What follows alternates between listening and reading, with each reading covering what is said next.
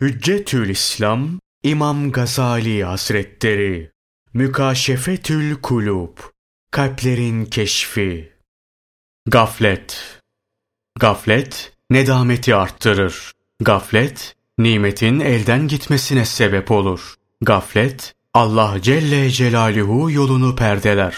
Gaflet hasedin artmasına sebep olur. Gaflet kişinin azarlanmasına sebep olur.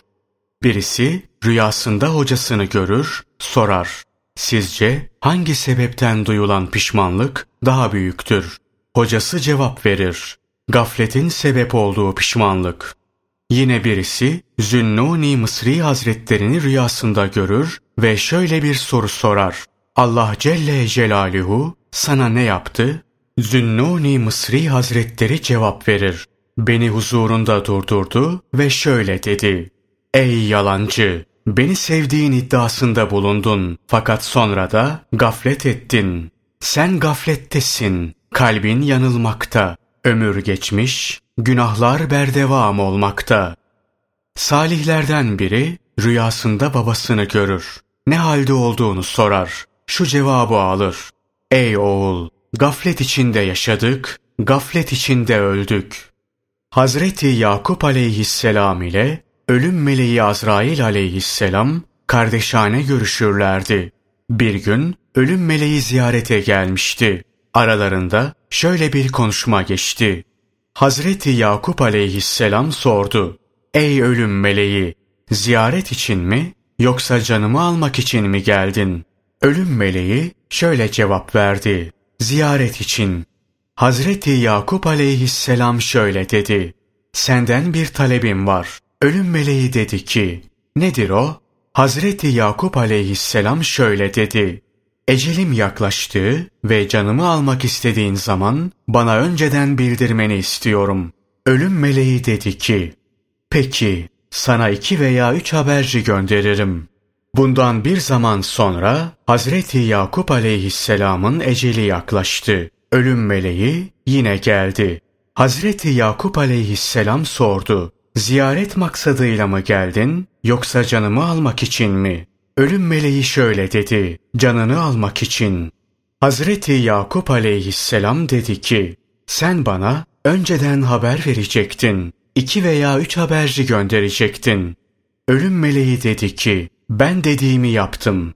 1. Saçların önceden siyahtı, beyazlaştı. 2.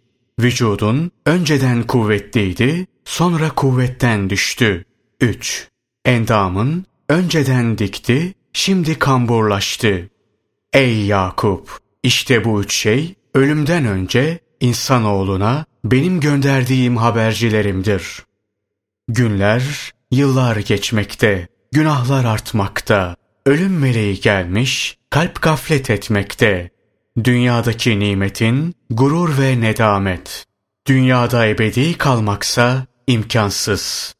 Ebu Ali Dekkak Hazretleri anlatır. Salih bir zat vardı. Aynı zamanda büyük bir alimdi. Bir ara hastalandı. Ziyaretine gittim. Etrafında talebeleri vardı. O zat ise ağlıyordu. Dedim ki, ey üstad, niçin ağlıyorsunuz? Dünyadan göçüyorum diye mi? Dedi ki, hayır, dünyadan göçtüğüme değil, namazımı geçirmeme ağlıyorum. Dedim ki, nasıl olur? Siz devamlı namazınızı kılardınız.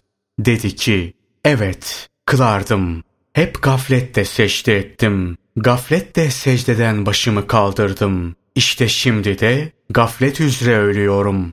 Sonra derin derin nefes aldı ve şu şiiri söyledi.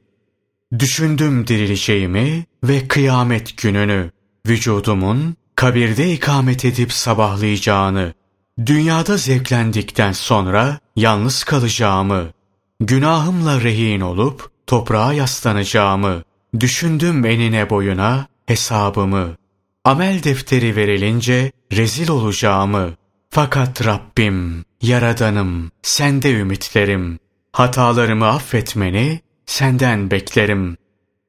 Uyunül Ahbar'da Şakiki Belhi Hazretlerinden şöyle bir haber nakledilir. Şakiki Belhi Hazretleri der ki, İnsanlar ağızlarıyla dört şeyi söylerler. Fakat fiil ve hareketleriyle bu dört şeye muhalefet ederler.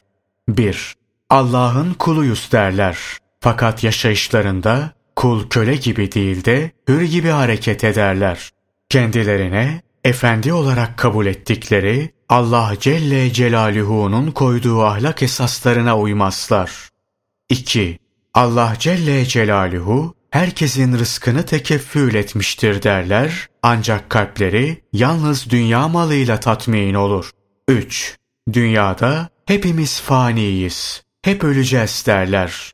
Ancak ölümsüzlermiş gibi dünyaya sarılarak Allah Celle Celaluhu'nun emirlerini bir kenara iterler.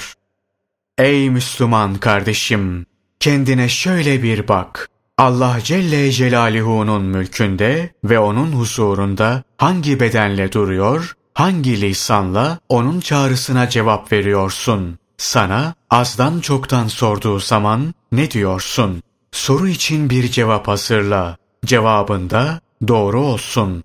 Allah Celle Celaluhu'nun yasak ve haram kıldığı şeylerden sakın. Çünkü o hayır ve şer her ne işlersen hepsini hakkıyla bilir. Etrafındaki insanlara Allah'ın koyduğu ahlak esaslarından ayrılmamaları ve kainatta tasarruf hakkının yalnız ona ait olduğunu bilmeleri için öğütlerde bulun. Peygamberimiz sallallahu aleyhi ve sellem'den nakledilen bir haber şöyledir. Arşta şu şekilde yazılıdır. Ben bana itaat edenin isteklerini verir, işini yoluna koyarım. Beni seveni severim. Beni çağırana cevap veririm. Af dileyeni affederim. Akıllı Müslüman Allah Celle Celaluhu'dan korkar. Ona itaat eder. İbadetlerini sırf Allah için yapar. Onun hükmüne ve takdirine razı olur. Uğradığı musibetlere sabreder, sızlanmaz. Nail olduğu nimetlerin şükrünü ifa eyler. Allah Celle Celaluhu'nun verdiğine kanaat eder. Haram ve gayri meşru kazançlara iltifat etmez. Şanı yüce olan Allah Celle Celaluhu kutsi hadiste şöyle buyurur. Kim ki benim hükmüme ve takdirime razı olmaz, belalara sabretmez, nimetlerime şükretmez ve verdiğime kanaat getirmezse, o kendisine benden başka bir ilah arasın. Birisi Hasan-ı Basri Hazretlerine sorar. Ben Allah yolunda olmaktan zevk almıyorum. Hasan-ı Basri Hazretleri de ona cevaben şunları söyler. İhtimal ki sen kendisinde Allah korkusu bulunmayan birinin yüzüne karşı nazar etmiş olmalısın. Başka birisi aynı soruyu Bayezid-i Bistami Hazretlerine sorar, şu cevabı alır. Sen Allah Celle Celaluhu'ya değil, itaate ibadet ediyorsun. İbadetten zevk almak istersen, itaate değil, Allah Celle Celaluhu'ya ibadet et. Anlatırlar ki, adamın biri namaza durur. Fatiha suresine başlayıp, Allah'ım yalnız sana ibadet ederiz mealindeki ayete gelince, Allah'ın huzurunda olduğunu anlar. Bu sırada kulağına, yalancı, sen Allah'a değil halka tapıyorsun diye bir ses gelir. Adam tövbe eder. Kalbinde insanların değil Allah Celle Celaluhu'nun sevgisini bulunduracağına karar verir ve tekrar namaza durur. Aynı ayete gelince yalancı sen malına güveniyorsun diye yine bir ses duyar. Namazı bırakarak kalbinden mal sevgisini atmak için tövbe eder ve üçüncü defa namaza durur. Aynı ayeti okurken aynı sesi işitir. Yalancı, sen Allah'a değil elbisene tapıyorsun. Adam yine tövbe eder ve namaza başlar. Bu sefer aynı ayeti okurken doğru söylüyorsun. Şimdi Allah'a ibadet ediyorsun diye kulağına bir ses gelir. Bir adamın çuvalı kaybolur. Kimde olduğunu bir türlü hatırlayamaz. Bir gün namazdayken çuvalın kimde olduğunu hatırlar. Namazı bitince kölesine seslenir. Falan kişiye git, çuvalı iste. Köle şöyle der. Çuvalın onda olduğunu ne zaman hatırladınız? Efendi şöyle der. Namazda. Köle şöyle der. O halde siz ibadet etmiyor, çuval arıyormuşsunuz. Kölenin bu güzel cevabı ve doğru itikadı sebebiyle efendisi onu azat eder. Aklı olan kalbini dünyaya değil Allah Celle Celaluhu'ya bağlar. Akıbetini düşünür ve ahireti için hazırlık yapar. Nitekim Rabbimiz şöyle buyurur. Kim ahiret sevabını isterse onun sevabını arttırırız. Kim de dünya menfaatini isterse ona da dünyalık veririz. Fakat ahirette ona hiçbir nasip yoktur.